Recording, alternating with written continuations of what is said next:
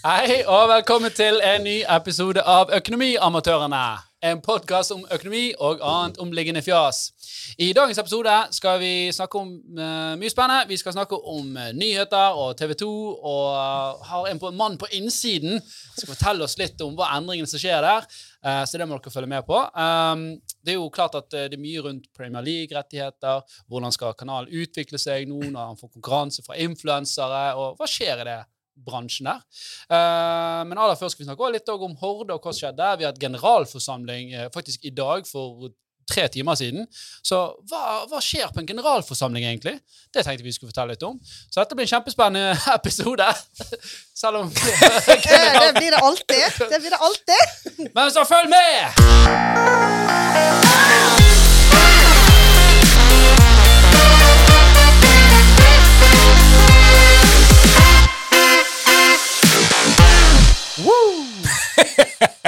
Da er vi klar her. Um, det har vært en, en, en hektisk uh, uke i Hordaleiren. Uh, mye som har skjedd. Uh, en gang i året så må alle selskaper holde noe som heter generalforsamling. Og Det er jo sikkert mange som har hørt om det, men ikke vet helt nødvendigvis hva er det som skjer og, på en sånn type generalforsamling. Så jeg tenkte jeg kanskje kunne begynne å, å, snakke litt om det, siden vi nettopp har hatt vår for ja. uh, tre timer siden. Jeg kan jo bare si at alle som eier aksjer, dere har kanskje merket at det ramler eh, noen feite brev ned i posten deres uh, i de foregående månedene som har gått nå. Det er jo da innkalling til generalforsamling. Det har jeg fått mye av fra alle aksjer, aksjeselskap jeg har investert i. Men jeg har ikke ESG-selskaper. Alltid vært kastet i bosset. Ikke hva selskaper? ESG, altså e miljøvennlige selskaper. De sender vel ikke en sånn blekke i posten? Nei, det håper ikke jeg.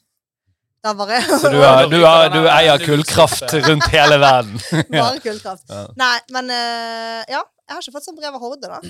Ja, Du har fått det digitalt? Vi, vi, er, vi er sånn tenker på miljøet. Vi tenker. ESG all the way. Men Hadde du vært på en generalforsamling før, da? Eh, nei. Bare borettslaget sin. Ja, og Det er vel gjerne et årsmøte. Ja, det er ja. kanskje det. Ja. Har du, eh, Torstein, vært på generalsamling? Ja. Uh, det første var faktisk eh, Kongsberg-gruppen. Da stilte jeg opp. jeg, tror jeg, var, jeg tror jeg var 19 eller 20. Jeg hadde post på kanskje 15 000 kroner.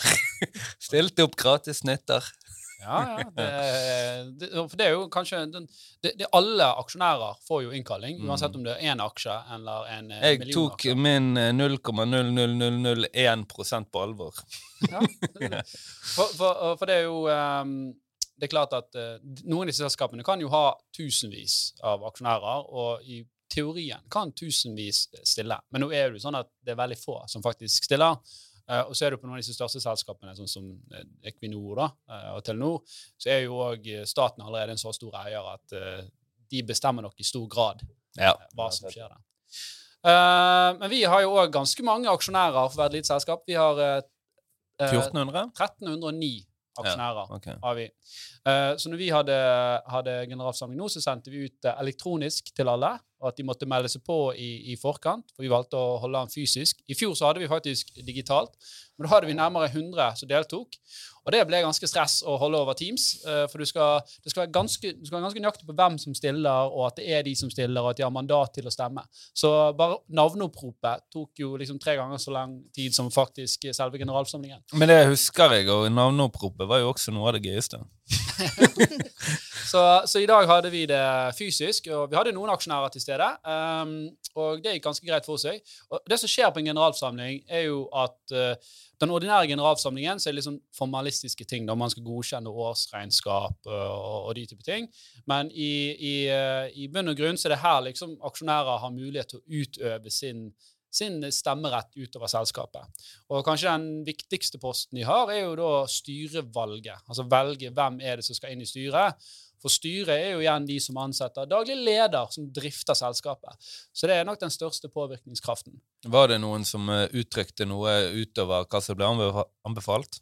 Ikke på vår. Det var, det var, noen gode spørsmål som vi selvfølgelig svarte veldig godt på. Uh, og vi har jo valgt i Horde å hatt en sånn veldig åpen prosess hvor vi sa mm. at uh, her kan alle aksjonærer uh, enten melde seg sjøl eller melde andre til styrekandidat. Så vi hadde vel rundt 40 kandidater og, og, som en valgkomité satte seg ned og vurderte, og så kom med sin innstilling til styret. Altså sin anbefaling nå, til styret. Men det vi òg gjorde, eller i, i, Horde, var jo en liten aksjonæroppdatering. Det gjorde vi slengen. etterpå. Så det, det var ikke en del av generalforsamlingen. Uh, så generalforsamlingen den er liksom formell, litt tørr Mm. og kjedelig, og så skal man liksom ikke ha liksom diskusjonsarenaer på en generalforsamling. Da skal man egentlig ha at disse sakene er meldt, dette har alle fått informasjon om og satt seg, uh, satt seg inn i, og så skal man egentlig stemme ja eller nei.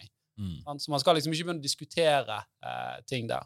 Men i etterkant da, så har man, eh, i hvert fall vi, valgt å ha et litt sånn mer sånn uformelt eh, aksjonæroppdatering, hvor, eh, hvor vi gjerne forteller litt mer hvordan det går med selskapet, og hva vi fokuserer på, på fremover. Eh, den hadde vi faktisk digitalt. Vi spilte inn en, en, en film da, som vi sendte ut til, til alle aksjonærene eh, tidligere i dag. Det er ingen som vil avsette deg som daglig leder, altså? Nei, det er ikke generalforsamlingen som gjør. Det er jo eventuelt styret som gjør. Så generalforsamlingen, som består av aksjonærene, de velger styre, Mm. og styret ansetter daglig leder. Ja. Ja. Så det var uh, ja, nei, det er kanskje interessant for noen der ute. Det var det mest Ja spennende med denne episoden. Ja. Nei, nå må du være grei! Jeg har ikke spilt den. Men eh, ja, du da, Ingeborg, har du noen gode sparetips til oss denne uken? Du, det har jeg faktisk. Jeg kom inn her med eh, liksom, hodet høyt hevet og sa hvilke tips jeg skulle dele. Og så kommer Sven, eh, som min kollega her, så sier han herregud, vet ikke alle det? Jeg visste ikke det i fjor, men vi får se. da, Kanskje det er flere som ikke vet det. Eh, det er da eh, Om du skal på norgesferie i sommer, så vil jeg anbefale deg, og, og altså at du skal ta ferger, så vil jeg anbefale å kjøpe seg en fergekort. Da tar du en forhåndsbetaling på 3000 kroner inne på skal vi se, Autopassferje, heter det vel. .no. Det er ikke reklame på noen som helst måte. Men da eh, får du 50% rabatt på fergebillettene dine. Så i fjor, når jeg kjørte fra Bergen til Farsund på Sørlandet, istedenfor å betale 868 kroner, så betalte jeg 494. Så det, Sinnssykt bra tips. jeg, det jeg syns det er dritbra. Og jeg forstår ikke hvorfor, eh, hvorfor det er sånn. Nei. Det er det som irriterer meg. det er helt uh, utrolig. Men det eneste er du må inn med 3000 kroner på forhånd. Men hvorfor sier ferjene at, uh, at betaler du her og nå, uh, så er det kjempebra. Hvis Mm. du har den, dette passet, så skal du få halv pris. Jeg tror kanskje fordi det er mye manuelt arbeid med at de går på dekk og tar bilder av bilene, som eh, kanskje ikke Ja, har ja. dette. Jeg vet De gjør jo ikke det heller. Nei, du, ja, når du, du kommer jo inn i Det er jo så enten kommer, det autopass. en, ja, en- enten kommer det en fyr som du går og liksom betaler med Jeg gjør jo alltid det. Jeg har Mm. ikke tenkt over det der. der. Eller jeg trodde autopasset bare var regionalt. da. Jeg Mm. tenkte ikke over at du kunne fylle det på sånn. Så jeg har jo som regel hatt han fyren som kommer. Eventuelt så sier de på høyttaleren at du må ned i luken og betale. Så, Mm. så i teorien er det nok sikkert mulig å snike med noen ferger. Men uh, hvem, hvem gidder å ta det, den risken? Nei. Så som jeg ser her, da, for, eh, som det står på nettsiden til Autopass, så eh, gir forskuddsbetalingen eh, 50% rabatt for privatkunder, 40 rabatt for bedriftskunder og 17 rabatt på personbilletter i de sambo, samband hvor det er personbetaling. Men det, Så Ja. unntaket fra ordningen er noen ferjestrekninger i Trøndelag, i tillegg til Moss-Horten-forbindelsen. Nei, ja, det var akkurat den jeg tenkte på. Ja. ja. Ok da, så i hvert fall Hvis du skal reise på Vestlandet, hvor det er bare massivt med ferger mm. altså. Bergen-Ålesund er jo fort over 1000 kroner i ferger. Fergetunnel, fergetunnel. Ja. Ja. Så, så det var et kjempebra tips. Tusen takk. Takk for det. Uh, Veldig raskt kan vi Kan du uh, veldig overordnet fortelle litt om uh, det prosjektet som ble luftet i dag? oi, ja! Du snakker om Bustad. Ja. Ja. Ok. Det er en episode i seg sjøl som vi veldig gjerne kan ha, men ehm, i dag Altså, veldig overordnet. Ja, I dag så lanserte uh, vi for uh, aksjonærene våre uh, en helt ny tjeneste som vi, vi har jobbet med en, en god stund. helt, holdt det helt hemmelig. Og det er faktisk noe som kan i stor grad endre på hvordan vi ser på det å eie bolig. Jeg kan bare veldig kort si da at de som er faste lyttere, har hørt at vi i høyere og høyere grad snakker om krypto, blokkjede osv. Og alle tror vi hater krypto, og lite vet jo de at de Jeg faktisk har jobbet. gjør jo det.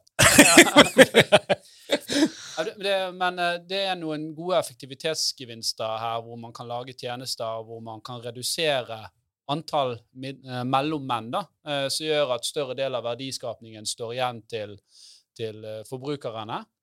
Um, og det kan gjøres på en ganske sånn transparent og trygg måte, og med en høyere grad av effektivitet enn en, en tidligere. Så det vi kommer til å lansere, er et prosjekt som heter Bustad. Så man kan gå på bustad.io for å lese mer om det eller få mer informasjon. Det kommer gradvis mer ut der. Uh, og det vi skal gjøre, er at vi skal gi uh, nordmenn mulighet til å tokenisere opptil 20% av boligen sin, for så å få det nedkvittert på gjelden sin. Ja. Så det betyr Og jo gi investorer muligheten til å eh, eksponere seg mot eh, det norske boligmarkedet og den prisutviklingen som skjer der. Yes. Så vi lanserer faktisk her en, eh, en stablecoin, som det kalles, som er faktisk backet i det norske boligmarkedet. Og det er veldig gøy å se deg nå, for jeg ser at dette skapte interesse hos deg. Ja, det, er jeg ble veldig overrasket da, for jeg har hørt litt på de siste episodene deres. Og, blant annet den NFT-episoden. Og jeg syns du har liksom ganske mange kritiske spørsmål til hele konseptet der. Ja. Så at du liksom nikker veldig anerkjennende nå, det, Dette er jo noe litt annet. dette har jeg ikke hørt om før, i hvert fall. Det, Vi Men først ha, introdusere han, da. ja, vi kan ha en egen episode om Busa. Ja, Eh, men uh, ja, for de som hørte, så var det en ny stemme her i dag. Vi har med oss uh, Chris Ronald eh, fra TV 2. Eh, du trår jo inn som eh, nyhetssjef, faktisk, i, eh, i TV 2 her. ja, ny, nyhets... eh, jeg blir- redaksjonsleder i Nyhetene i Bergen. Altså Ja. Nyhetssjef er ikke helt riktig tittel, men redaksjonsleder for Nyhetene i Bergen. Hva, hva innebærer det? Det innebærer at eh, jeg eh, leder nyhetsredaksjonen. Eh, det betyr at jeg er den som setter i gang dagen, egentlig, sammen med reporterne som jobber der. Vi, det, er jo, det er jo et fellesskap, dette, så vi diskuterer hvilke saker vi skal gå for. Prioriterer. Ja. Involvert i etiske diskusjoner. Hvilke saker skal vi ha? Hvilke skal vi ikke ha? Ja. Hvilken plattform? Det er ganske mange ting man gjør i en sånn rolle, men i bunn og grunn så handler det om å være med og prioritere hvilke saker nyhetene skal gå for. Kan jeg eh, veldig raskt spørre hvor mange prosent av eh, daglig innhold er helt ferskt, og hvor mange prosent ligger på en måte i backloggen? Og jeg, jeg snakker ikke om fellesferiestoffet. Nei, nei, bare- agurktid eh, ut, utenom regnestykket. Um, jeg tror kanskje at um, jeg har ordene mine i behold hvis jeg sier at Dette tar jeg veldig fra løs luften, altså, men Ja, det er veldig mye av det vi lager, som er dagsferskt. Okay. Nesten alt, vil jeg si. Altså, vi, vi, 80% på en måte? det er det tallet jeg tenkte på Ja. gang du stilte spørsmålet. 80-20? Ja. Ja, det tror jeg faktisk. Ja, ok. altså. Mm. Eh, vi har jo altså, journalistiske satsinger som vi har jobbet med over tid. En eller annen avsløring som eh, Da blir det ofte en sånn diskusjon skal vi kjøre den saken ut i dag, eller skal vi vente til i morgen. Mm. Da blir det ofte en sånn prioritering av at sånn Er det et eller annet i dagsorden-nyhetsbildet som er stort nok til å ta liksom de kremplasseringene våre, da? Fortsatt toppen av 21-sendingen på lineær-TV. Eh, vi har Kveldsprime på tv2.no. De viktige tidspunktene, da, der har vi slåtter som vi må ha godt innhold på. Mm. Hvis det er et eller annet som skjer i nyhetsbildet, så vil ikke vi liksom skusle vekk eh, en skikkelig god, gjennomarbeidet sak som er tidløs, på et tidspunkt der vi kan fylle det med innhold som bare kommer av seg sjøl. Ja. Så, Nei, men, men, men veldig mye av det vi gjør, gjør vi hver dag. Ja. Det er spennende. Akkur jeg bare husker uh, Jeg fikk mens du snakket nå masse bilder tilbake fra når jeg bodde med min far. og Han uh, jobber også i, i journalistikk. da. Mm. Hvordan man hele tiden måtte prioritere og forhandle mellom uh, Vi ønsker å gå ut først med dette, eller vi kan holde saken noen dager, Mm. mot at vi får fyldigere stoff fra deg som vi da skal eksponere. Ja, ikke sant? Det er en sånn typisk problemstilling som du kan havne opp i. Og det, det blir noe som jeg kommer til å jobbe ganske tett med fremover. da. Eh, redaksjonen vår i Bergen er en stor avdeling i nyhetene. Eh, vi har mange ulike avdelinger. Noen jobber med utenriksstoff. Eh, vi har en samfunnsavdeling i Oslo som jobber veldig mye med politisk og, og den biten. da. Eh, for eksempel. Eh, Innenriksredaksjonen i Bergen jobber med alt mulig, egentlig eh, men har historisk sett hatt en eh, ganske tydelig sånn geografisk eh, ansvarsområde da, for Bergen eh, og Vestlandet. Mm. Eh, det kan vi kanskje snakke litt mer om etter hvert, men disse, disse geografiske eh, fokusområdene er for oss litt i ferd med å viskes litt ut. Medieutviklingen går litt sånn den veien, da. Men eh, Men så, så dere TV 2-nyhetene har jo hovedkontor i Bergen, sant? Ja. Eh, så det er jo gjerne at naturlig at det er lettest for dere. Dere har flest journalister som kan løpe rundt eh, i, i Bergen. da. Eh, så jeg trodde jo liksom det var det som var liksom bakgrunnen for det. At det bare det er lettest for oss å gjøre det her, men det er litt vanskelig å liksom følge med på alt som skjer i Tromsø, selv om vi vet at dere sikkert sender folk ut der òg. TV 2-nyhetene sånn superkort forklart er jo eh, Bergen, det er Oslo, og så har vi lokalkontorer i noen av de største byene. Mm. Eh, Hvor mange lokalkontorer? eh, vi hadde fem, nå har vi fire, tror jeg. Ja. Um, altså, vi har jo i Tromsø, Bodø, Ålesund, Mm. Stavanger. Vi hadde i Kristiansand inntil nylig. Det har vi ikke nå lenger. Uh, og Hamar. Men så er jo det mye mer enn det, da, for det er jo et helt nettverk av lokalaviser som man hestehandler og handler tjenester med hele tiden. sant? Ja, det vet du sikkert du om Som som har far i lokalaviser og, Ja, og sånn. Vi har veldig mange kontakter der ute, eh, spesielt når det kommer til fotografer og de som skaffer oss videoinnhold og sånn. Og tradisjonelt sett har jo TV 2 vært veldig god på det å skaffe seg Det har liksom alltid vært det viktigste, da. Vis oss det som skjer. Det, det er jo det TV er bygget på. Show, don't Mm. tell. Så det, det, vi har vært helt avhengig av å ha et nettverk av folk som vet at hvis de kommer over noe som er nyhetsverdig, så sender de det til oss. Mm. Der har, har vi hørt. mye sterkere konkurranse nå enn vi har historisk sett hatt egentlig bare fra NRK. Nå, nå driver jo alle med TV og levende bilder. Mm. Mm. Der, der har jeg faktisk hørt eh, et par ganger min far si at jeg har snublet over denne saken. Denne saken er altfor stor for eh, avisen vår. Mm. Vil dere mottatt? OK, såpass, ja. ja. Mm. Oi. Mm. Ja. Interessant. Okay. Uten at jeg kan gå inn på det. Nei, nå har jo du, Hvor lenge har du vært i TV 2 nå? Det begynner faktisk å bli en stund. Jeg føler meg litt gammel når jeg sier det, men jeg begynte i TV 2 som sommervikar i 2013 eh, allerede. Mm. Eh, og så har jeg en liten sving utenom ca. halvannet års periode der jeg eh, gjorde litt andre ting. Eh, jobbet annet i, i Bergens Tidende sitt Sysla, som var næringslivssatsingen til, eh, til BT. Så nå Eksisterer den? eller? Nei, den eh, Tilfeldigvis to måneder etter jeg sluttet, så Nei da, det har ingenting med det å gjøre. Men eh, det, det var en strategisk beslutning som Det gikk inn i E24. E24 ble ganske mye større omtrent på det tidspunktet. Det var tilfeldig.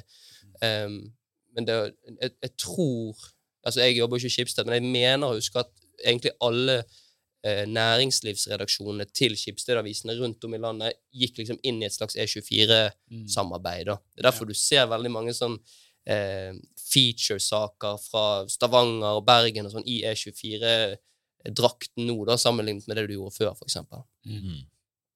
Ok, men Du startet da i, som en sommervikar i 2013, så var du litt Mm. ut, så kom du tilbake igjen, og så jobbet du som journalist i, i, i noen år, og, og nå er du litt mer inn i liksom, eh, drift, da, eh, og, eller den redaksjonelle rollen, at man sitter og plukker ut og Ja, altså redaksjonell rolle har jo vært hele tiden. Jeg jeg har vært, eh, vært journalist hele veien, egentlig. Så det, det jeg har gjort nå jeg- jeg- i, eh, I august i fjor, da gikk jeg liksom fra å være reporter til å bli redaksjonsleder. Mm. Da tok liksom stedet, mitt første lille steg inn i ledelse, da, sånn forsiktig. Og det var noe som jeg ikke har, uh, har gjort før, som en utrolig spennende utfordring. Og da ble jeg redaksjonsleder for uh, en, uh, en redaksjon i TV2.no som heter Videodesken. Forholdsvis liten gjeng. Er vi eh, seks stykker som jobber egentlig med, med ja, si, si det veldig enkelt, så jobber med video på TV2.no. Vi, er- vi er en Mm. TV-kanal som helt ærlig, ikke helt har tatt steget fullt ut da, for å få video til å funke på Mm. nett. Um, Ja. Ja, det har kult det har jeg hørt dere snakket litt om før. Og, ja. Kan, kan ikke du snakke litt om dette, her, for alle sier jo lineær-TV er døende. Mm. Uh, og det, det er jo fortsatt mange som ser på det, men eh, riktignok de som ser på det, er døende. De som ser på alt, er jo døende, sånn sett. ja, ja, jo, eh, det er jo riktig, det. Eh, Men altså Det, er faktisk fortsatt sånn at uh, ja, TV 2 tjener jo de store pengene på lineær-TV ennå. Uh, nyhetsredaktøren i TV 2, uh, Karianne Solbrekke, hun bruker veldig ofte det bildet at vi står i en sånn spagat i TV 2. Vi må, selv om Altså, alle vet jo på en måte det du sier, og det er jo helt riktig. Jeg, jeg sjøl Jeg har aldri gjort noe annet enn å strømme. Mm. eh, siden jeg flyttet hjemmefra, liksom. Jeg har aldri hatt et TV-abonnement på den måten og forholdt meg til det Mm. sjøl. Men likevel så er det sånn at når vi sitter og diskuterer sakene våre på redaksjonsmøte, så det er litt endring på det, på det nå, men uh, i veldig stor grad så er liksom Hva er 21-toppen vår? Altså eh, toppsaken i 21-nyhetene på kvelden. Det er liksom det viktigste vi avgjør hver dag. Vi må ha en god sak der. det, akkurat det du sier der, det syns jeg er utrolig eh, spennende. For det at man har jo en sånn tanke om at dette er nyhetene, det er verdig, troverdig, Mm.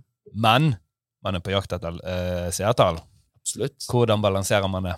I hvert fall noen liksom, du, du kjemper jo på en måte mot uh, clickbait og, og influensere som ikke praktiserer Vær varsom-plakater eller faktasjekk. Så det må jo være liksom frustrerende da å på en måte konkurrere eh, med de. Eh, eller Føler du det liksom man har en, eh, en hånd på ryggen her, eller eh? Se, se, altså, det er, jo, det er jo selvfølgelig tankevekkende å se at vi på en dårlig dag så kan vi ha Ta det litt sånn på husken nå. altså Dette er ikke det jeg sitter med hver dag, på en måte, men la oss si vi har 200 000 seere da, på 21-nyhetene. Eh, når, når jeg var ung, da, jeg var ung, heter det, da, eh, da hadde vi kanskje oppunder en million på gode tider, liksom. Um, og så ser du at et blogginnlegg som en influenser skriver, har kanskje mer eh, reach enn det vi har på hovedsendingen vår. Mm. Det, er jo, det er jo tankevekkende. Selvfølgelig er det det. Men samtidig så lever vi også en tid der eh, faktisk.no er noe. Eh, folk snakker om fake news. Jeg føler hver dag. Jeg vet ikke om det er bare fordi at folk jeg kjenner, har en bevissthet til det, eller snakker til meg om det, for jeg jobber med nyheter. Men jeg føler jo det er en ekstrem bevissthet i samfunnet generelt for eh, liksom det å være eh, balansert og, og, og være opptatt av faktasjekk og, og de tingene der. Da. Selv om ikke alle kanskje er fullt utlært i hvordan man faktisk gjør det, så er det i hvert fall en bevissthet rundt de tingene der, Mm. som kanskje aldri har vært så mye Jeg, jeg føler det er så mange som er opptatt av mediene. Og det syns jeg er utrolig spennende Ja. å jobbe der jeg gjør. Og alle har en mening om det vi gjør hele tiden. Det er ikke, of, det er ikke alltid det er bare positivt. Det skal jeg, Vel, veldig sunt, da. ja, ja, det er jo det, på en måte. Um, Ja, for vi, vi har jo snakket litt med forskjellige influensere. Noen har vært på år, og noen er jo oppriktig liksom flinke, da. Så kanskje de er litt uh, uskolerte. Liksom, hva er faktisk regler? Men de, de ønsker liksom å gjøre det bra. mm. Eh, Og, og så har du de som kanskje begynner å, å ville ønske å gjøre det bra, men blir litt revet med. Og så er det de som uh, ikke har noe filter, da. uh, som på en måte bare sier eh, whatever. Det de vil. Og, og de er jo kanskje den, den farligste gruppen, men kanskje også den gruppen som fort blir luk, luket ut, da. For det blir bare useriøst, eller Jeg vet ikke, jeg, altså. Um, det er bare, når du sier det du gjør, så jeg, jeg kom til å tenke på en sånn blogger fra, fra Bergen eh, for noen år siden som lagde en sånn video som gikk så sinnssykt viralt, som han kun publiserte på sin egen blogg da via YouTube-kanalen sin, der han Jeg husker hva han heter, men jeg gidder ikke å si navnet hans. Nei, kom an, få høre! nei, men det, det, var sånn, eh, det var en fyr da som gjorde en greie at han hadde vært ute i båt på Sotra, og så kom det en hai og tok tak i båten hans. Ja. Det, det, han, han skrev dette, hadde videoopptak av at dette skjedde, men det var jo en video som man bare hadde funnet på internett. Og den var jo fra California eller et eller annet helt annet sted for mange år tilbake. Men da, det var på en måte ikke i tror jeg i like stor grad i folks ryggmarg. Da, liksom tenk, Er dette ekte? For han, hadde, jo vært- han var flink å redigere, og sånn, så han la på sin stemme. Så det ut som han var på sjøen når dette skjer. Ja, og fy faen, han snakker Bergen! Så det så helt legit ut. sant? Ja. Og det Eh, tror jeg folk det, altså, I dag hadde den nyheten kommet, så tror jeg noen hadde sagt 'Å ja, faen, på Sotra her. Eh, kan ikke vi bade lenger?' Altså, Ja, Jeg forstår at folk vil Eh, Noen hadde nok det, men jeg tror mange flere enn den gang, dette er noen år siden, Mm. hadde tenkt sånn Er dette ekte? Begynt å sjekke litt rundt. Men, men, Men hender det da at dere som nyhetskanal da sier Oi, det er sykt! Det der må vi bare ta nå med en gang, og vi må ta det før Nei. Disse konkurrentene. Ja, ok, vent nå litt! Der, der kan du sikkert arrestere meg. Ja. Dette, er, dette skjer jo. Eh, se på denne Snake Island. Hva skjedde der? Nå må dere fortelle hva Snake Island, ja, ja. dette uh, var eh, en, en veldig sånn uh, kritisk øy for eh, Ukraina, eh, hvor eh, hvor eh, man fikk veldig tidlig meldinger om at alle på den øyen var drept. Vi har lydopptak fra det. Dette gikk viralt over hele verden. Da de sa fuck you til Ikke- Russland? ja. Ja. Mm. Ikke riktig. Mm. Eh, fake news. Vi drepte vel en ganske kjent agent, samtlige medier i Norge også, for et tidspunkt, eh, før han egentlig var død. ikke sant? Men, men, men, men, alle, Mm. alle hoppet på den saken. Mm. Og bekreftet. Og så gikk jo det noen uker, og så måtte man avkrefte. Og, ja. Mm. Så det, det, noen ganger hopper man fordi Jo at man har lyst til å fortelle denne vakre historien, da, på en Ja. måte. Ja, Ja. og, og en annen sak med Du hadde jo han der Ghost of Kiev som gikk sånn Mm. sinnssykt viralt en periode. Ja, ja. En sånn jagerpilot som hadde liksom skutt ned sånne åtte russiske fly. Altså, helt Ikke sånn, måte på. ja, ja, sant? Men han tror ikke jeg var i TV 2. Eller Nei, noe. nei, for jeg tror, jeg tror ikke Jeg tror ikke Jeg kan ikke si sikkert om vi hadde den eller ikke, men vi kunne helt sikkert hatt den. Så det, det er uansett liksom et legitimt poeng. Mm. Uh, og, og det du sier, er helt riktig. Jeg skal ikke sitte på noe høy hest, men, men et, et, det, det, det er noen eh, spesielle mekanismer som spiller inn der. Det ene er liksom uoversiktligheten i krig, men, men det er ikke noe unnskyldning. Det er snarere Da burde liksom terskelen vår være enda høyere for å liksom kvalitetssikre at det vi skriver, faktisk er riktig. For dette potensielt kan det ha veldig store konsekvenser.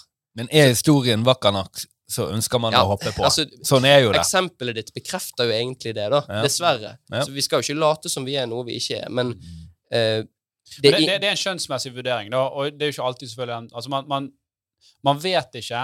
Hadde man visst det, så hadde man selvfølgelig ikke gjort det. Nei. Men det er sånn, OK, dette kan være sant. 80 Klink, Ja. klink, klink ut. det, det der var det mange redaktører som prøvde på en måte å gi eh, allmennheten et sånn lite innblikk i etter denne, dette agentdødsfallet, som ikke var et dødsfall. Da, for da var det veldig mange redaktører som satte seg ned og skrev sånn det, det, Derfor tok vi feil. Sant? Og liksom prøve å invitere folk inn i redaksjonslokalet. Eh, for jeg skjønner at det er lett å tenke sånn at åh, sånne jævla journalister sitter de bare og syns, og de vil ha noe klikk. Sant? Mm. Men det er jo liksom Det er ganske, som regel i hvert fall, da, det skal være ganske eh, grundige vurderinger som gjøres, og man baserer det på eh, Vi har i hvert fall en sånn regel om at det skal aldri være én kilde. Det er aldri nok. Det skal være to uavhengige kilder minimum som sier det samme. Så hvis du eksempel har to helt uavhengige aviser som i utgangspunktet er troverdige kilder som vi vanligvis stoler på, som sier dette om Snake Island, da kan det være nok, ja.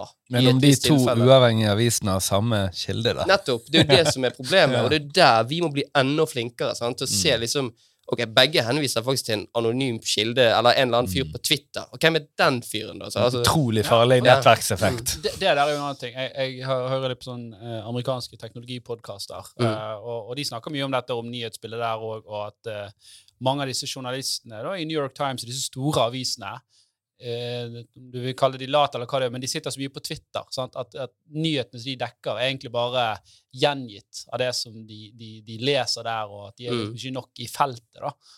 Um, så, det eksempelet hørte jeg at du tok i en eller annen episode, og det, det fikk meg faktisk til å tenke litt. For jeg, jeg, tror, eh, jeg tror egentlig det er veldig riktig på mange måter, altså. Eh, Og så har vi selvfølgelig eh, men, men hvis du liksom Men spoler jeg, jeg, jeg har Ja. begynt å liksom være på Twitter den siste måneden. Ja. Uh, og akkurat nå så blir jeg bare bombardert av sånn der uh, bitcoin-maks. Uh, Du hadde vel en eh, tweet Ja, om det? det, så, så, så jeg får bare det nå, da. Så jeg Mm. prøver, jeg prøver liksom hashtag kittens, et eller annet for å komme litt vekk fra det. Men, men det, det, jeg får bare det samme. Kittens. Ja, et eller annet, sant? Eh, eh, men uh, men ut ifra i hvert fall det jeg ser, så, så er jo det Du får jo ganske liksom eh, hurtige nyheter der. Ikke sikkert alltid riktig, men når det gjelder markedsnyheter, og gjerne sånn som krypto som beveger seg så fort som det gjør, Mm. så syns jeg faktisk at når jeg hadde vært der en måned, og så ser jeg liksom på lineære eller vanlige nyheter, så følte jeg at det hang etter. da. Det var liksom min følelse. Ja, men det er jo helt Altså, det, gå på en nettside i dag, da. Gå på noen av de største nettsidene. Mm.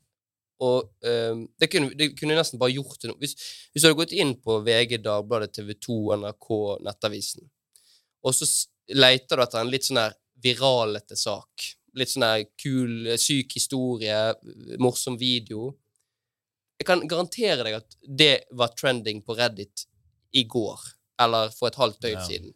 Jeg, jeg syns VG er altfor treg. For jeg, jeg ser sånne her, eh, mange sånne her eh, Og du vil ikke tro hva som skjer her, og så er det sånn klipp av en video, så bare ser Ja, men den der eh, så Men vi dette på er jo- TikTok for tre uker Det- siden, liksom. det det Dette er jo litt av det som er vanskelig med liksom akkurat det du sier. Ja, Man kan ikke være super på, kildekritisk.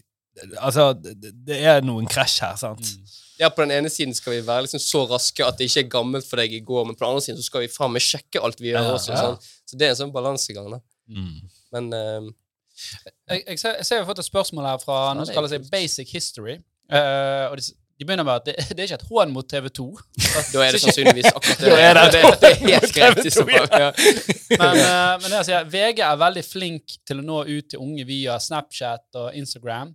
Mm. Tror dere at de nye sosiale mediene er, eh, er go to-måten for å formidle nyheter i framtiden? Det er et superrelevant spørsmål for meg, egentlig. For at, eh, eh, vi snakket jo om eh, min stilling som redaksjonsleder for Nyhetene i Bergen. Den begynner jeg i over sommeren. Mm. Eh, akkurat nå så leder jeg en redaksjon i TV2.no som eh, kalles for noe så eh, flott som Hub2.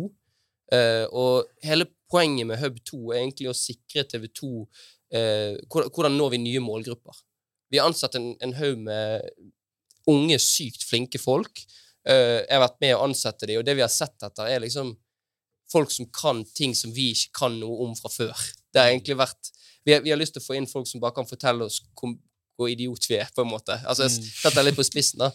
Eh, men det er jo akkurat det som, som basic history her er, er inne på, egentlig.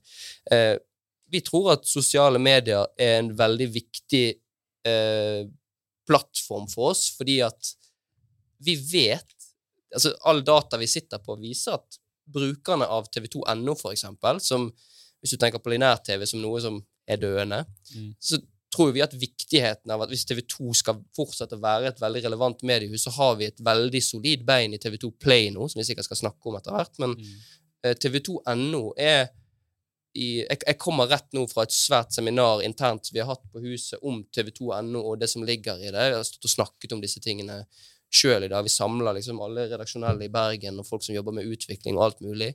Nettopp fordi at TV2 har liksom definert TV2.no som det viktigste vi gjør nå for å være aktuell hver dag for folk i Mm. en eller annen ganske nær fremtid. Men, men, ja, for det, det der føler jeg òg eh, Dette blir litt sånn uh, Dere får leie meg inn, så skal dere få, få uh, dere er konsulenttime for dette. Men, uh, men eh, for ofte det jeg ser, er jo at eh, på slutten av en, av en TV 2-nyhetssending så er det sånn her eh, Clickbait sånn 'Du vil sånn og sånn, og dette kan du lese mer om på tv2.no'.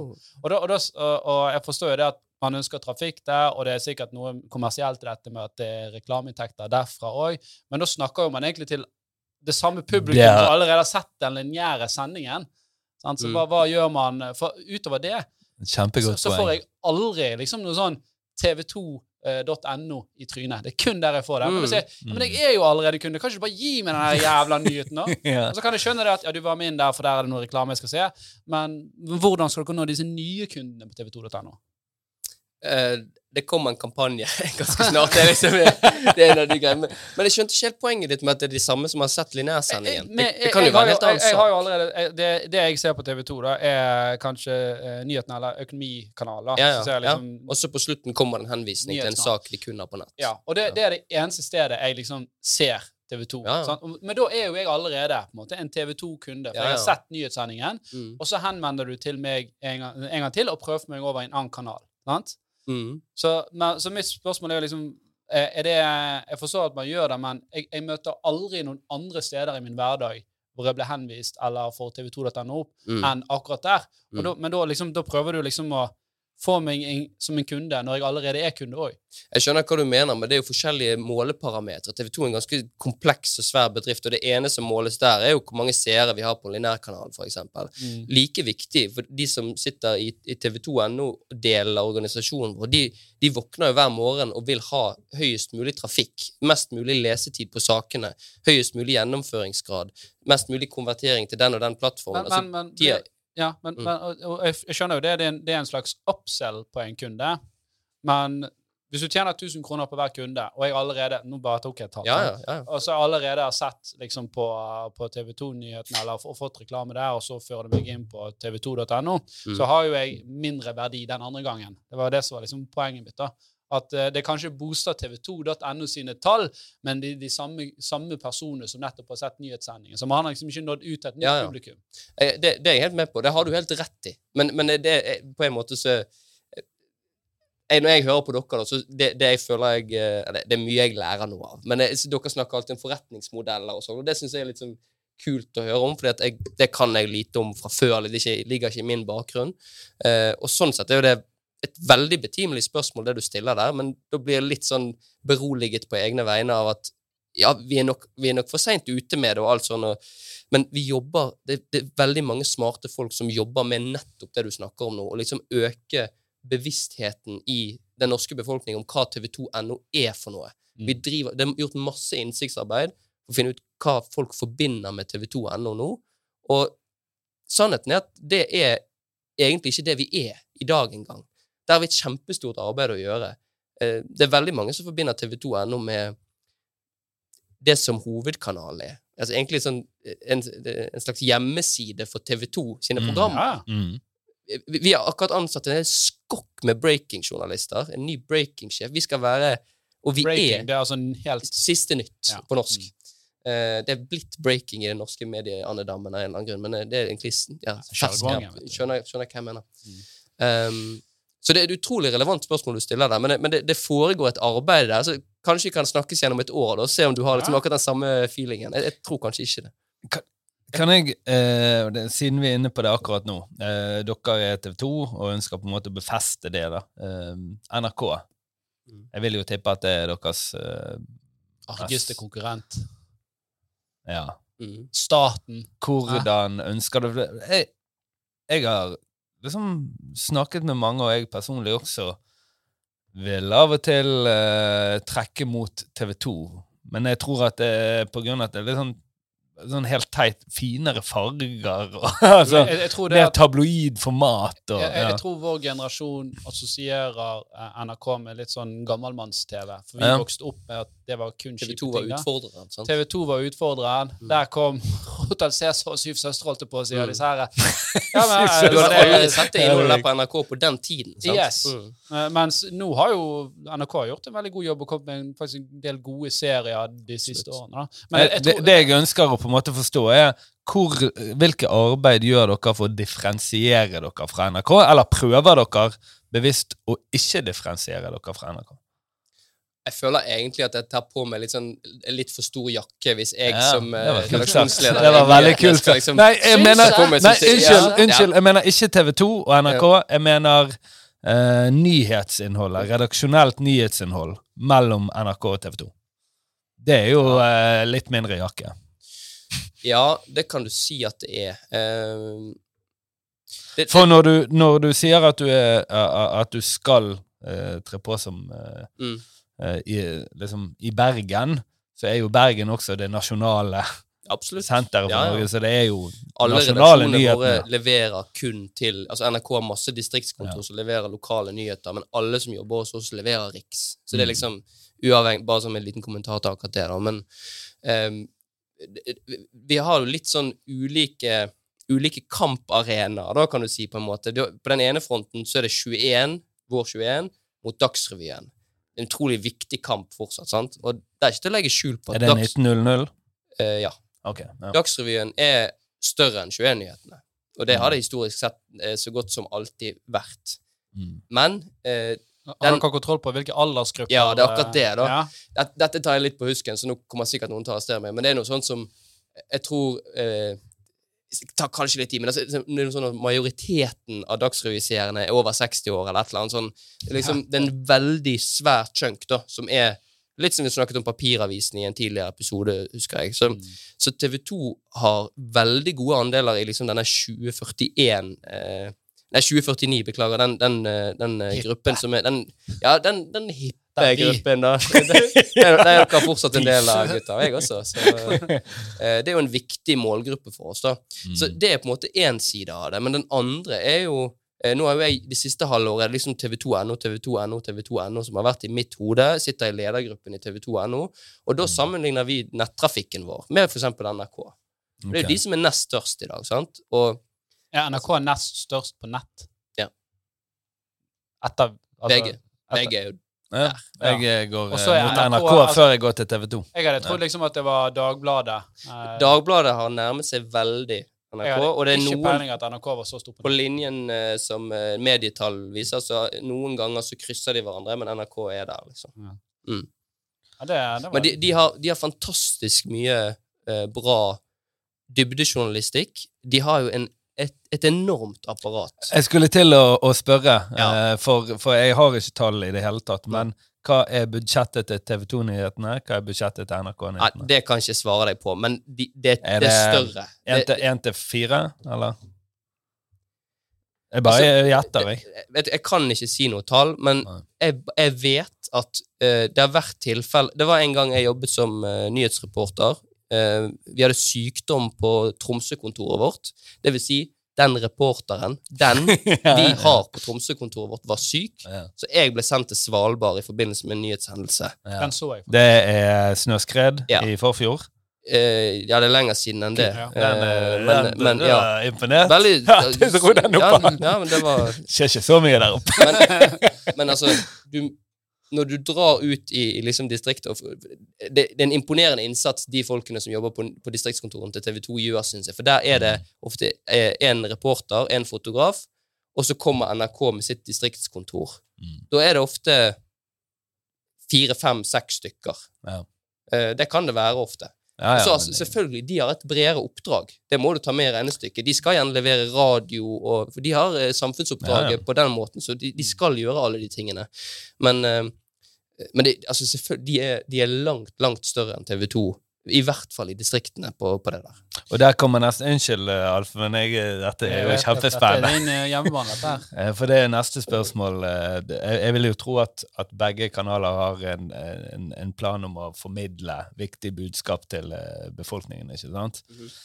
Hvis NRK sitter på en sak som er deres, Ja. helt alene, men det er viktig å få det formidlet ut, Mm. hvordan gjør man dette? Veldig godt spørsmål. Ehm, det kommer an på hva du mener med, med viktig å formidle ut. Um, det finnes, det finnes eh, egentlig ganske klare regler. Dette, dette burde sikkert hatt litt mer det er lenge, Jeg satt en stund som vaktsjef. Da, da hadde disse eh, retningslinjene her ganske mye tydeligere. Men eh, NRK har en ganske sånn utstrakt delingsplikt, faktisk, i allmennkringkasterloven, som gjør at de skal dele Ja. hvis det er sånn og sånn og sånn som er oppfylt. For det er jo befolkningen som betaler for Nettopp. det. Sant? Mm. Ja. Så hvis de sitter på et eller annet sånn der eh, en eller annen type dokumentasjon, eller eh, altså, La oss si at det er en video da, av noe som på en måte kan sies å være en nasjonsanliggende på, på et eller annet vis. Da, jeg, Mm. jeg kommer ikke på noe godt eksempel akkurat nå, men hvis du skjønner hva jeg Si, mener eh, Breviks. ja, For eksempel da, noe sånt. Da, da vil det være noe som typisk sett eh, NRK er pliktig å dele med konkurrentene sine. Men, og det, det kan jeg si uten å være skamme meg over det, at jeg, jeg har opplevd sånne situasjoner der jeg mener det er helt opplagt å kunne argumentere i den retning, Mm. og så blir det trenert. Ja. Fordi at de har Dagsrevyen klokken 19, for eksempel. Og vi, det var jo i sin tid liksom Ja, grunnen til at altså, TV 2 har nyheter 18.30 og 21. Det er ikke Mm. tilfeldig at vi valgte 18.30. Det er jo ikke liksom ikke et helt glimrende tidspunkt, men det var før Dagsrevyen. sant? Og da kunne vi slå dem på en del ting. Så jeg opplevde liksom å sitte Jeg vet at NRK har det og det opptaket. Jeg vet at jeg egentlig har gode argumenter for at jeg burde få det som jeg sitter som vaktsjef.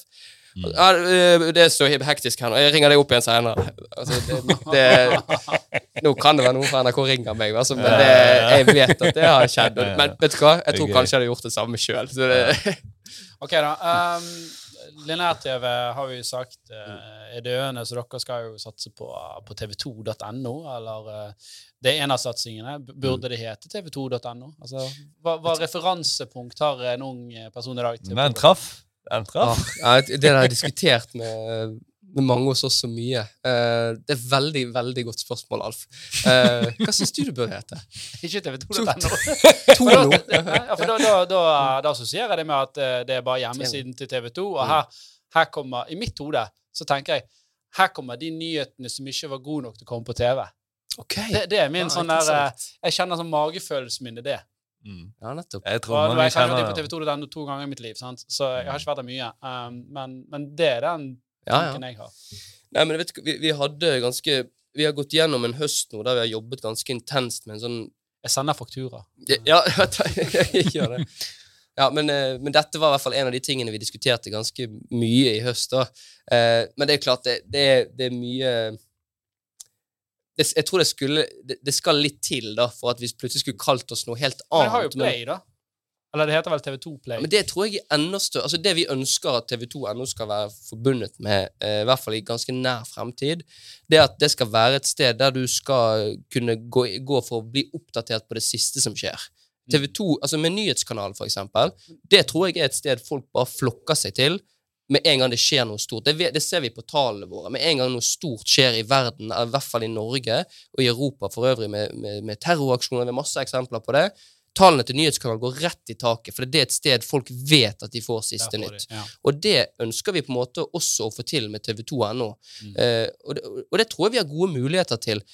Du er inne på en del sånn helt basic greier. Du har aldri sett TV2.no eh, bli slengt i trynet på deg noe annet sted enn når vi sier en litt sånn der flåsete Du kaller det for, eh, for clickbait.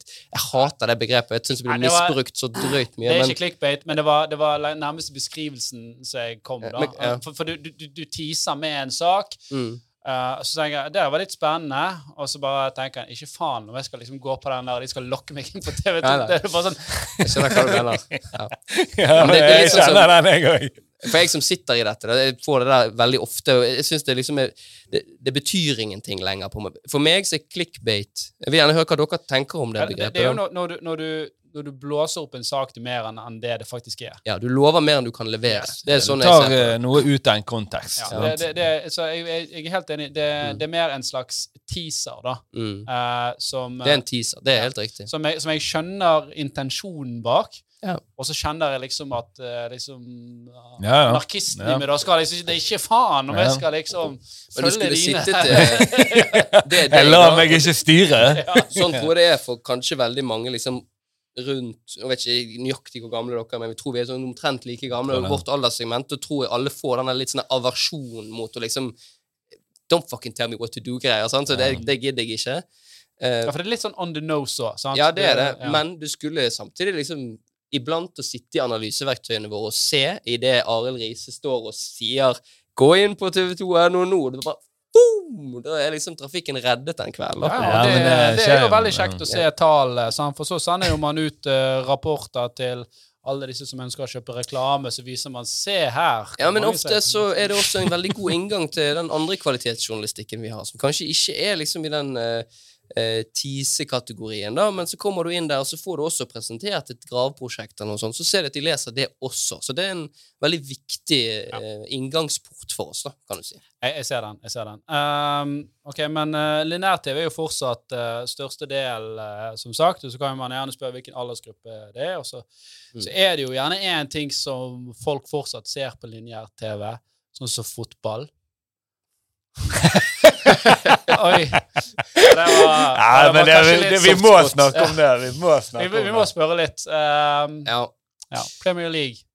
Ja. Fotballrettighetene. Først Hva skjedde? sånn- ja, eh, først må jeg bare begynne å si at det, dette er jo ikke det jeg jobber med i det hele tatt. Og, så nå snakker jeg på en måte som, som TV 2-ansatt. Eh? Eh, så det, det må være en liten sånn disclaimer i starten. Eh, jeg, jeg har ikke sittet på innsiden av noe som helst, så det vet jeg ingenting om. Men det er jo selvfølgelig eh, Altså, alle vet jo at dette blir tøft for TV 2. Det er jo ingen tvil om det. Eh, bare jeg i, i min lille sosiale krets har jo ganske mange venner og bekjente som eh, i veldig stor grad forholder seg til f.eks. TV2 Play. Unnskyld, jeg må bare Ja. For publikum, bare si det. Rettighetene for Premier, Premier League er- er vekke. Riktig. Ja. Det, ja, Bare det, sånn, ja. det er en fin forklaring. Mm. Så det, TV 2 har jo sendt sin siste PL-kamp. Um, nå er Erling Haaland i PL. Altså, det går jo ikke an å få en større gavepakke i fanget, liksom. Sånn.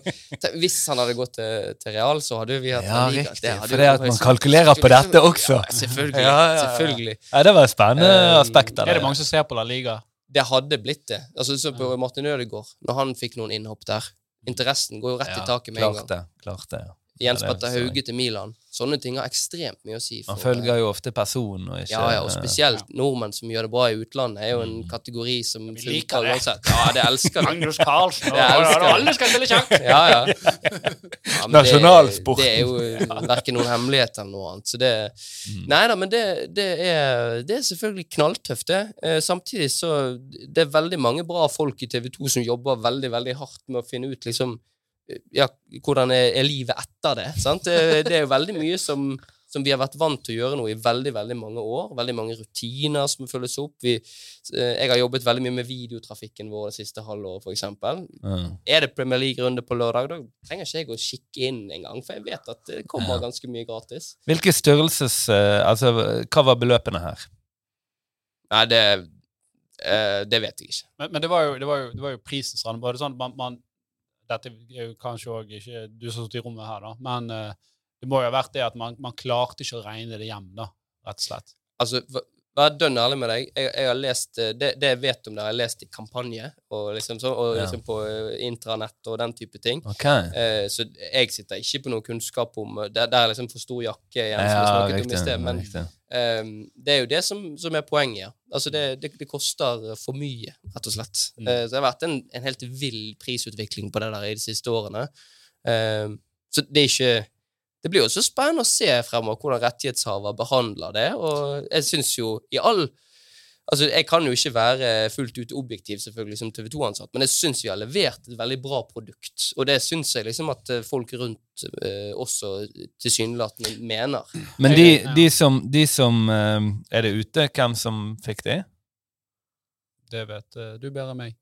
Ja, det er jo nevnt og Viaplay og Ja, ok. Eh, jeg, jeg, visste, jeg, jeg, jeg visste det, da. Jeg bare visste ikke om det var ute. Men de har jo, de har jo forgreininger i veldig mye annet, så Ja. det er veldig enkelt å si at det regnestykket er enklere enn det ville vært for dere. Ja. Men, men er ikke det bare å For det er jo disse TV2 Play-abonnementene. sant? Mm. Kunne ikke man bare Ja, men vi hiver på en hundrelapp, da. Så byr vi litt mer. Jo, altså, Altså, folk hadde jo betalt, da. Men det vil jo anta at eh, våre ekstremt dyktige folk som har sittet og forhandlet dette, har tenkt på. De bare Nei, faen! Ja, altså, Nei. Ja, Nei, men det- det- det er ikke sånn. Altså, så- nei, det, det får ikke du noe konsulenthonorar for å ha tilbudt. Vi, Viaplay på en måte Viaplay har jo uh, masse samarbeidspartnere og, og, og trenger ikke bare å være Viaplay. Mm. Sant? Mens TV2 i høyere grad, de er TV2. Ja. Ikke sant? Og det er jo liksom litt tilbake til det du snakket om når, når, da vi var ung og, og TV 2 var utfordreren. sant? Mm. TV 2 er jo en stor medieaktør i dag, men når du zoomer ut og ser liksom hvem vi konkurrerer med nå på både innhold og serier og bruker tid på underholdning og dramasatsing og alt sånt, TV 2 er jo eh, veldig liten i det globale bildet, sant? og det er jo Mm. det vi på en måte ser litt sånn eh, konsekvensen av nå, eksempel med fotballrettighetene. Ja. Mm. Og så har dere en annen sak òg, som du sikkert heller ikke har full innsikt i, men den er Altibox-saken. Men jeg antar det står om penger der. altså Det er så enkelt. Ja, igjen, um, dette er ikke noe jeg har veldig dyp innsikt i, og det blir ikke riktig at liksom jeg sitter her og sier hva konflikten står om. Mm. Uh, men så klart det er også noe som Men vet du hva konflikten står om? slag, Ja. uh, for tiden hos, uh, hos, hos TV 2. Sant? Altså, Mm. Um, og, og altså, nå, nå bare snakker sånn med fra utsiden. Sånn der, Oi, ja, der fikk de den. Og nå fikk de den på trynet. Hvordan går det med disse her? sant? En rett høyre der, og så en liten uppercut på slutten. Ja, du, det, det er, men mediebransjen er jo knalltøff, ikke sant? Ja. Det, det er jo uh, Dette vet sikkert dere uh, mer om enn meg, som kan, uh, kan mye om forretningsutvikling og business, men mediebransjen må vel være blant de som går igjennom Eller er det, er det helt ute nå? Nei, Liksom, nei, du er ikke ute i det hele en, vært tatt. revolusjon Ja, nærmest ja, ja. på liksom på, på veldig, veldig kort tid. Da. Så Mm. det er, det er kamper på mange fronter og sånn. Mm. Samtidig så har i hvert fall jeg eh, tro på at TV 2 står bunnsolid eh, i, i veldig mange deler av, av de fightene der. Har dere Det, pressestøtte? Eh, det er jo en avtale med staten som ligger i, i For man må jo ha flere nyhetskanaler. sant? Ja, ikke Ja. sant. Så det, det er jo blant annet noe av det som er grunnen til at Altså det med, med hovedkontoret i Bergen har jo alltid vært en del av en allmennkringkasteravtale som vi har, for eksempel. Så okay, det er en del av det. Det som jeg ser liksom er, eller som gjør at dere står veldig solide, og, og, og igjen er det jo dette bare synsing fra en fra utsiden, men det, det, virker som dere, dere fokuserer ikke så mye på liksom, å kjøpe inn internasjonale serier, men man fokuserer mer på òg serier som er naturlige for oss her hjemme, altså Farmen og Det er jo det som er et av de all- aller største fortrinnene våre, og det prøver vi på en måte å bruke Tid for hjem. Kjempekoselig. altså, I nyhetsjournalistikken, da, som på en måte er det jeg kan best, da er det jo sånn grunnleggende prinsipp som heter nært fremfor fjernt. Og det høres kanskje litt sånn rart ut, men sånn funker vi mennesker. da. Det er noe psykologi i det. Og Det er liksom helt ned til lokalavisen. På alle områder. alle områder så Ja. funker det. Og det som TV2 har som ikke Netflix har, er jo liksom den der gjenklangen, på en måte, og den nærheten til det norske folk, for å si det litt sånn svulstig. Mm. Da vi vet litt mer om eh, kultur, hva som opptar folk. For vi er liksom en det er TV 2 en stor norsk bedrift på en måte, som har Mm. alle disse Mm. verdiene og kjennskapen på plass. Og det er jo grunnen til at vi Når, når våre eh, når våre nyhetsprofiler på en måte står på TV, du kjenner dem igjen, du stoler på dem, det handler om troverdighet, du har sett Mm. dem på TV i mange år. Eh, litt det samme er det med underholdningssatsingene våre også, at vi har ennå ikke sett en helt sånn takeover fra eksempel Netflix da, på norske eh, serier, på en måte. Det er veldig mange andre som kommer, og, og Netflix kommer nok til å komme enda tøffere inn i hvert lokale marked. Men der står fortsatt i hvert fall TV2 relativt støtt, eh, etter mitt syn. da. Jeg merker, eh, jeg, merker jeg, jeg hører på BBC-podkast hver dag. Mm. Jeg tror jeg ser TV 2-nyhetene i hvert fall annenhver dag. Ja. Det jeg syns er artig, er at utenriks er helt annerledes. Hele tiden. ja. Okay. Så eh, Nei, altså helt andre saker. Ehm, så, jeg så da faktisk blitt merke at jeg, jeg føler det er sånn Hvorfor snakkes ikke dette om på TV 2? Så jeg, eh, jeg, jeg, jeg tenker da er det nok denne her eh, profileringen av hva er det nordmenn syns er interessant Mm. å høre om fra utlandet? Sant? Det men, det, kan men det er ikke noe bevisst forhold til det? Nei, altså Det er en annen liten sånn minirevolusjon som jeg føler veldig sterkt foregår i redaksjonslokalene. da, At vi eh, er i ferd med å åpne litt sånn her boksen på hvordan å jobbe innsiktsbasert med journalistikken vår. Mm. Eh, der tror jeg egentlig, hvis jeg skal være helt ærlig, så tror jeg journalistikken har vært i veldig, veldig mange år styrt av magefølelsen Ja. til redaktører, redaksjonsledere, som sammen med selvfølgelig journalister litt sånn avgjør sjøl hva som er viktig, basert på hva man mener. Eh, vi introduserer, og det vet jeg at eh, egentlig alle norske redaksjoner etter hvert gjør nå, mye mer opptatt av tall, målinger. Altså, Eh. dere, dere må jo ha systemer som, som, som man sikkert kan kjøpe, og som crawler, og så ser dere Oi, shit, denne hashtagen, altså denne storyen, eh, trender i wherever, right? Nettopp. Så, og, og, men, men, men føler du at man tar, dat, det jo, altså, tar man datadrevne beslutninger, beslutninger, eller er det fortsatt denne her at eh, jeg, jeg erget jo meg her nå. Det, det, det, en av de få tweeterne jeg hadde som ikke tirret disse her eh, bitcoin-folka. da, Det var jo da tirret TV 2, selvfølgelig. Eh, det, det var jo at eh, det var, var en nyhetssending. Så husker jeg ikke hva som hadde skjedd, men det hadde skjedd noe i hvert fall internasjonalt. Og så var sendingen sånn ti minutter om at det var litt kø på Gardermoen, men det gikk greit. Så jeg bare sånn hva skjer? Og så var det plutselig sånn at man intervjuet en familiefar. Da, så var det, ja, det er litt krav å komme seg til svigerfar på Vestlandet. Men det går fint. Men, ja, så det var sånn her eh, Mener du at det ikke er av uh, allmenn interesse? Nei, jeg føler at det, dette kunne man liksom sagt, sagt på et eh, Du kan jo kjenne deg igjen i det som småbarnsfar, Et altså. kunne liksom han, Alf, de hadde bestemt seg for at de skulle ha den saken. Ja, jeg så forstår måtte det. de bare Jeg forstår det. De hadde sendt en reporter ut på Gardermoen som sto der, og, og hun her, eh, lederen der, hadde, skulle jo ha sine minutter. Men det Eh, var, men det var alltid sånn at jeg var sånn Kom an igjen, da. Vi, sant? Har vi vurdert eh. Gardermoen minutt for minutt? Ja, jeg, jeg var ikke på redaksjonsmøte etter den dagen, men jeg, jeg tipper at det der kan Det høres ut som det, vi- et, et bomrykk, som vi kaller det av og til. Sant? Hvis vi liksom legger opp Ja, det det er, det er jo logistikk i dette, sant? og det er jo som du sier.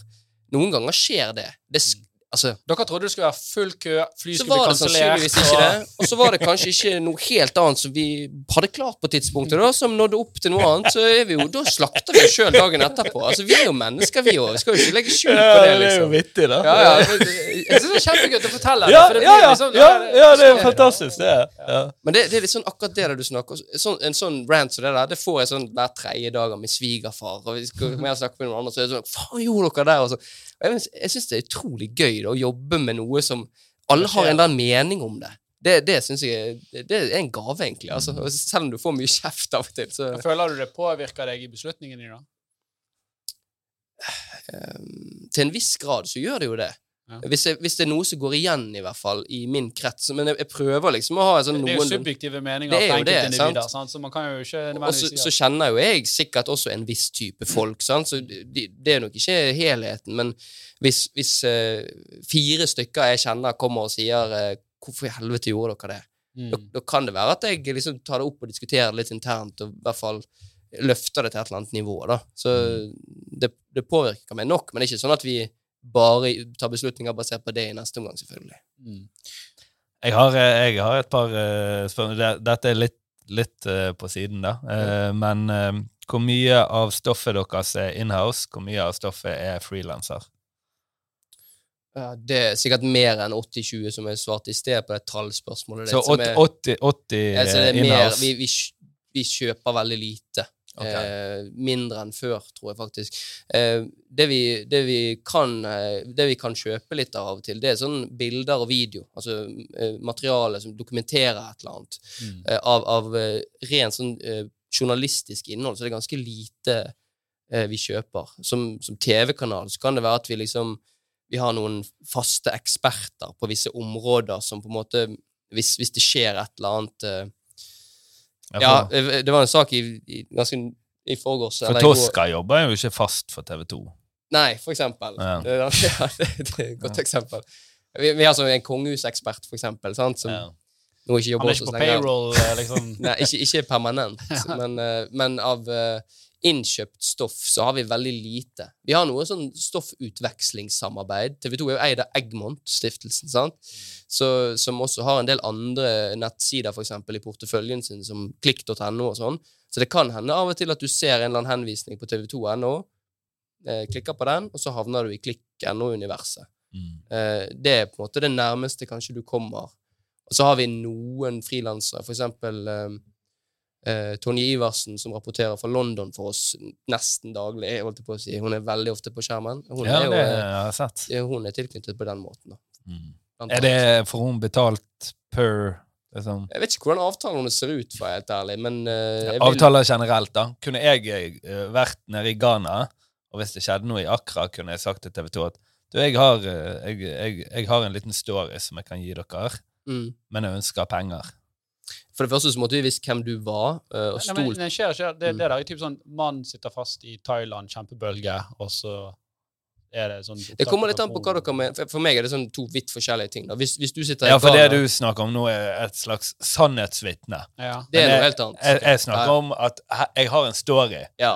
Du har en reportasje eller en artikkel som du vil ha på en, ja, et eller annet Mm. sted. Da. Da forstår jeg at det er vanskelig Hvis du ikke har noe forhold til Torstein Han er bare 'Jeg er nordmann i Ghana'. Ja, Mm. det hadde ikke vi betalt. Har en, pod, har en, pod, har en podkast. ja. Etter økonomiamatør. Nei, men uh, det varierer veldig. Altså, I det tilfellet, når det er liksom noen som er der, et eller annet vitne, Mm. da er det bare å dunke på, få historien, desken ringer, få litt kontakt. Mm. Uh, vi har utrolig bra systemer. Så jeg ringer deg på FaceTime fra linjekontrollen vår. 30 sekunder seinere så er du på luften på nyhetskanalen og blir intervjuet på direkten. Det, det går veldig sånn. Nyhetskanalen er et monster. Hender sånn ikke det at folk stivner helt, da? Eh, det kommer an på folkene. Eh, Ja, noen blir veldig nervøse av det, men det er jo som å ha en face De ser Ja. jo ikke de Ja. eh, 200 000 som sitter og ser på deg, liksom. Men det varierer. Du, hvor viktig uh, er det liksom å dyrke profilene uh, som man har? Uh, for det, det har jo alltid vært sånn at man har kjente liksom new, eh, eh, nyhetsankere, eh, da, men, men i større og større grad så ser vi det at eh, masse selskaper Ta, ta Elon Musk, da. Han, Tesla bruker ikke penger på reklame, for de har Elon Musk. Mm. Eh, og jeg har litt inntrykk altså Influenser er jo da, det er jo bare en profil som er dyrket. Ja. Har dere liksom en strategi på det? Tenker dere de retningene? At uh, disse er viktige? Altså Fredrik Skavlan er jo en profil, sant? Ja, ja. Altså, TV 2 har alltid vært veldig profildrevet, på en måte. Uh, og det, det tror jeg nok vi kommer til å være på ubestemt tid fremover. Altså, vi, vi- bare se på, på sportssiden. Alle profilene vi har der med eksperter. Er det, er det den type profiler du tenker på? Ja, jeg, jeg tenker mer og ikke bare nødvendigvis de som er Altså, Elon Musk er jo ikke en profil bare fordi at han er eh, gründeren eller daglig leder i, i, i Tesla. Men det, det er alt han gjør liksom på, på, på Twitter. Sant? Altså, ja, altså, mens jeg føler det er det som har endret seg. For før var disse nyhetsankerne de så du kun på TV. mm. Nå skal de liksom utlevere seg sjøl på andre arenaer da, og bygge en følgermasse. Som, Ja. som på en måte kan gjøre de større og, og bedre, men kanskje gjøre òg TV 2 mer sårbar, da, for at den personen sier ja, men jeg går til Hvem skal de gå til? Ja, Hvor- nei, men, eh, men jeg, jeg, liksom tenkt det samme. Det, eller, men dere dyrker jo de veldig ofte. Noe som er litt irriterende å se på. Men, men, Man altså, tar inn noen tilfeldige mennesker i et Mm. reality-program, Mm. Eh, og så eh, blir de kjendiser, og så har dere sikkert noen klausuler i kontrakten som gjør at de, dere videre dyrker denne kjendisstatusen som ikke eksisterte. da. eller pusher dere for eksempel en nyhetssang og sier du må være på Twitter, du må liksom bli der, og så altså, bygge deg en profil utenfor universet vårt. I- Igjen, TV 2 er en ganske kompleks bedrift, så det det er ikke ett svar på det dere spør om, egentlig. da. Eh, men eh, altså på nyhetssiden så har vi sånn, for eksempel sånn Kadafi Saman og Fredrik Gressvik er liksom profiler, eh, eksempler på profiler da, som går eh, liksom langt utover nesten merkevaren TV 2-nyhetene. De er jo profiler i, i kraft av, av, av seg sjøl, på, på en måte. da, Eksempler på, på det. Og så i, i tillegg så har vi mange sportsprofiler på den siden, og så har vi en hel kobbel av underholdningsprofiler.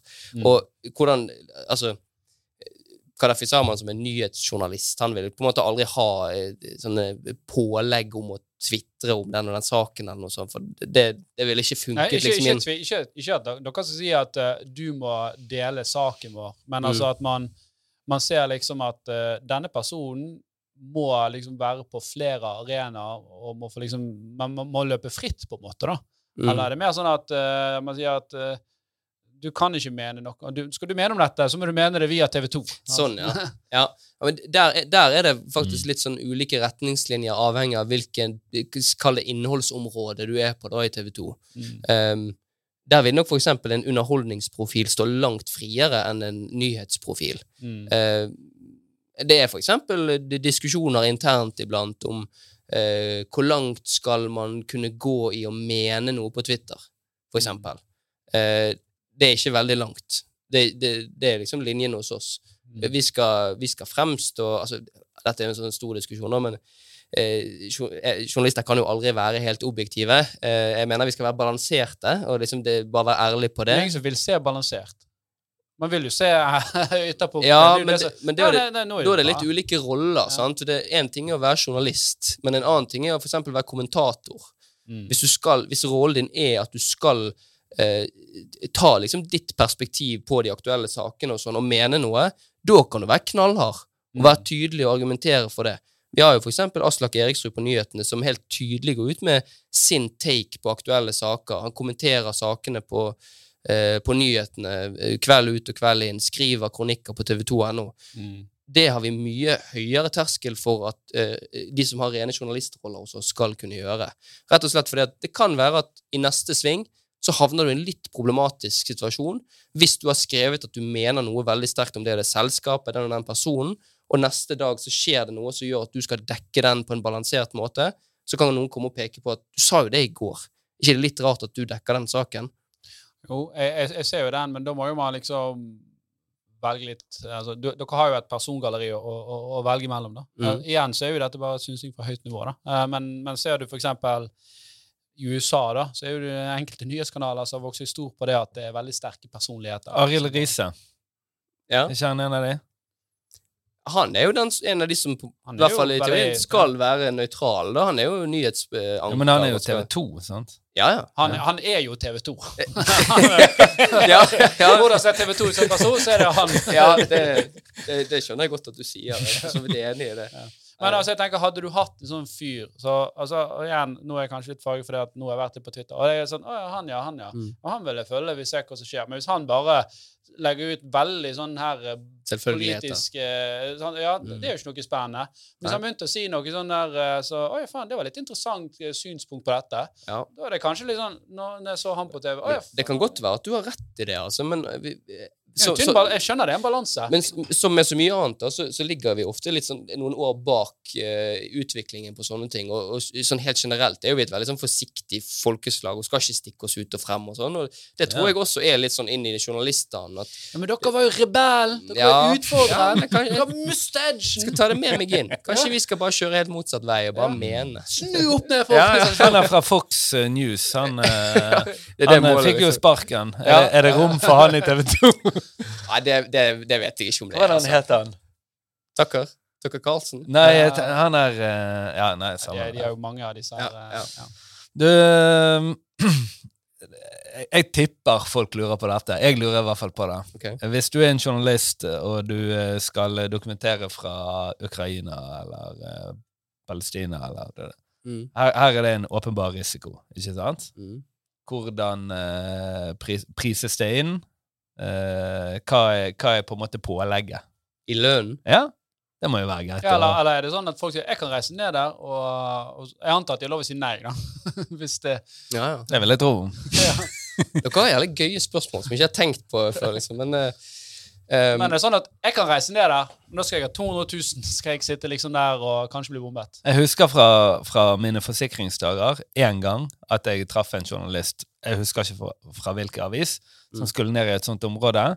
Og han tok da en sånn engangsforsikring som var 800 000 eller noe sånt. ok. Oi. For han skulle ned i et uh, krigsrammet område, som var veldig aktivt der og da. Det, det var da en, en- altså en livsforsikring, eller? Ja, livsforsikring til sin familie, da. Ja. Og den var det Jeg vil tippe som, At det var avisen eh, som betalte for den, ja.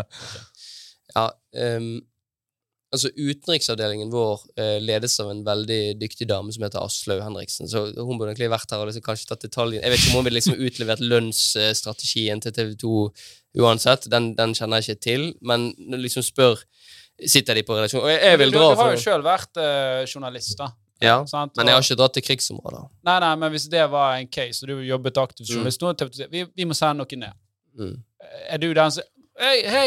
Jeg, eh, stikker, jeg. Jeg hopper på flyet. Eller er det, er det liksom en forhandlingssak om hvem som skal, og, og, og liksom frynsegoder rundt det, eller Frynse... Er Ikke frynsegoder, det er feil ord. Nei, men, men risikotillegg er jo det riktige ordet. jeg, jeg er ganske åpenhjertig med dere, for det er veldig mye jeg ikke vet. Ja, jeg nei, men det er veldig sånn- bra. Som, men vet du jeg, jeg tenker liksom at uh, uh, i TV 2 så har vi en, uh, en stokk med utrolig dyktige utenriksreportere. Og eh, så å si hver av de utenriksreporterne, de har områder som de er om ikke best i landet, så i hvert fall blant de sånn to-tre beste i landet på akkurat de områdene. Og det gjelder både sånn politisk og geopolitisk, men også geografisk. Så vi har noen folk som vi Hvis, hvis eksempel når, når noe skjer eh, tradisjonelt sett før, før det med krigen og sånn, hvis, hvis noe skjer med eller i Russland, da er det Øystein Bogen som sendes dit. Han har jobbet, han, er, altså han har bakgrunnen, han har utdannelsen, han, kan, han snakker russisk, han har jobbet med det i lang, lang tid. Han kan så godt som alt om det, og kan dekke det på en bedre måte enn en av de andre utenriksreporterne som kanskje har et annet ekspertiseområde. Mm. Så veldig ofte vil det falle litt sånn naturlig hvem som skal dra dit. Eh, men jeg, jeg vet også at noen ganger så er det flere som har lyst, liksom, og, og, og har lyst til å dra. Men jeg har, eh, jeg har jobbet i TV 2 i, i, i ti år, som sagt, ganske snart, og jeg jeg har i hvert fall aldri helt ærlig fått høre at det liksom har vært snakk om at noen skal ha mer betalt for å dra. Altså det, Så du tror det at det derfor- det kan ligger i lønn og det, altså, arbeidet som Jeg tror gjerne at det er naivt, og, og så, men jeg tror virkelig det, det, er en, det, det er det de går på jobb for, liksom, for å Ja. for, Mm. for, formidle de tingene der. Jo da, men det er jo én ting å liksom dekke en, eh, en sånn politisk valg i Russland Mm. og reise ned i et krigsherjet uh, område. Ja. Men, men det kan godt være at dette er liksom ferdige uh, tariffer, på en måte, for Mm. dette her, slik at det, det er ikke noe å diskutere. det. Sant? Så, for jeg skjønner jo det jo at det, det blir vanskelig å, å forhandle der og da, og det kan plutselig bli lenger. Jeg, jeg tipper det er tariffer. Det var, det var min synsing.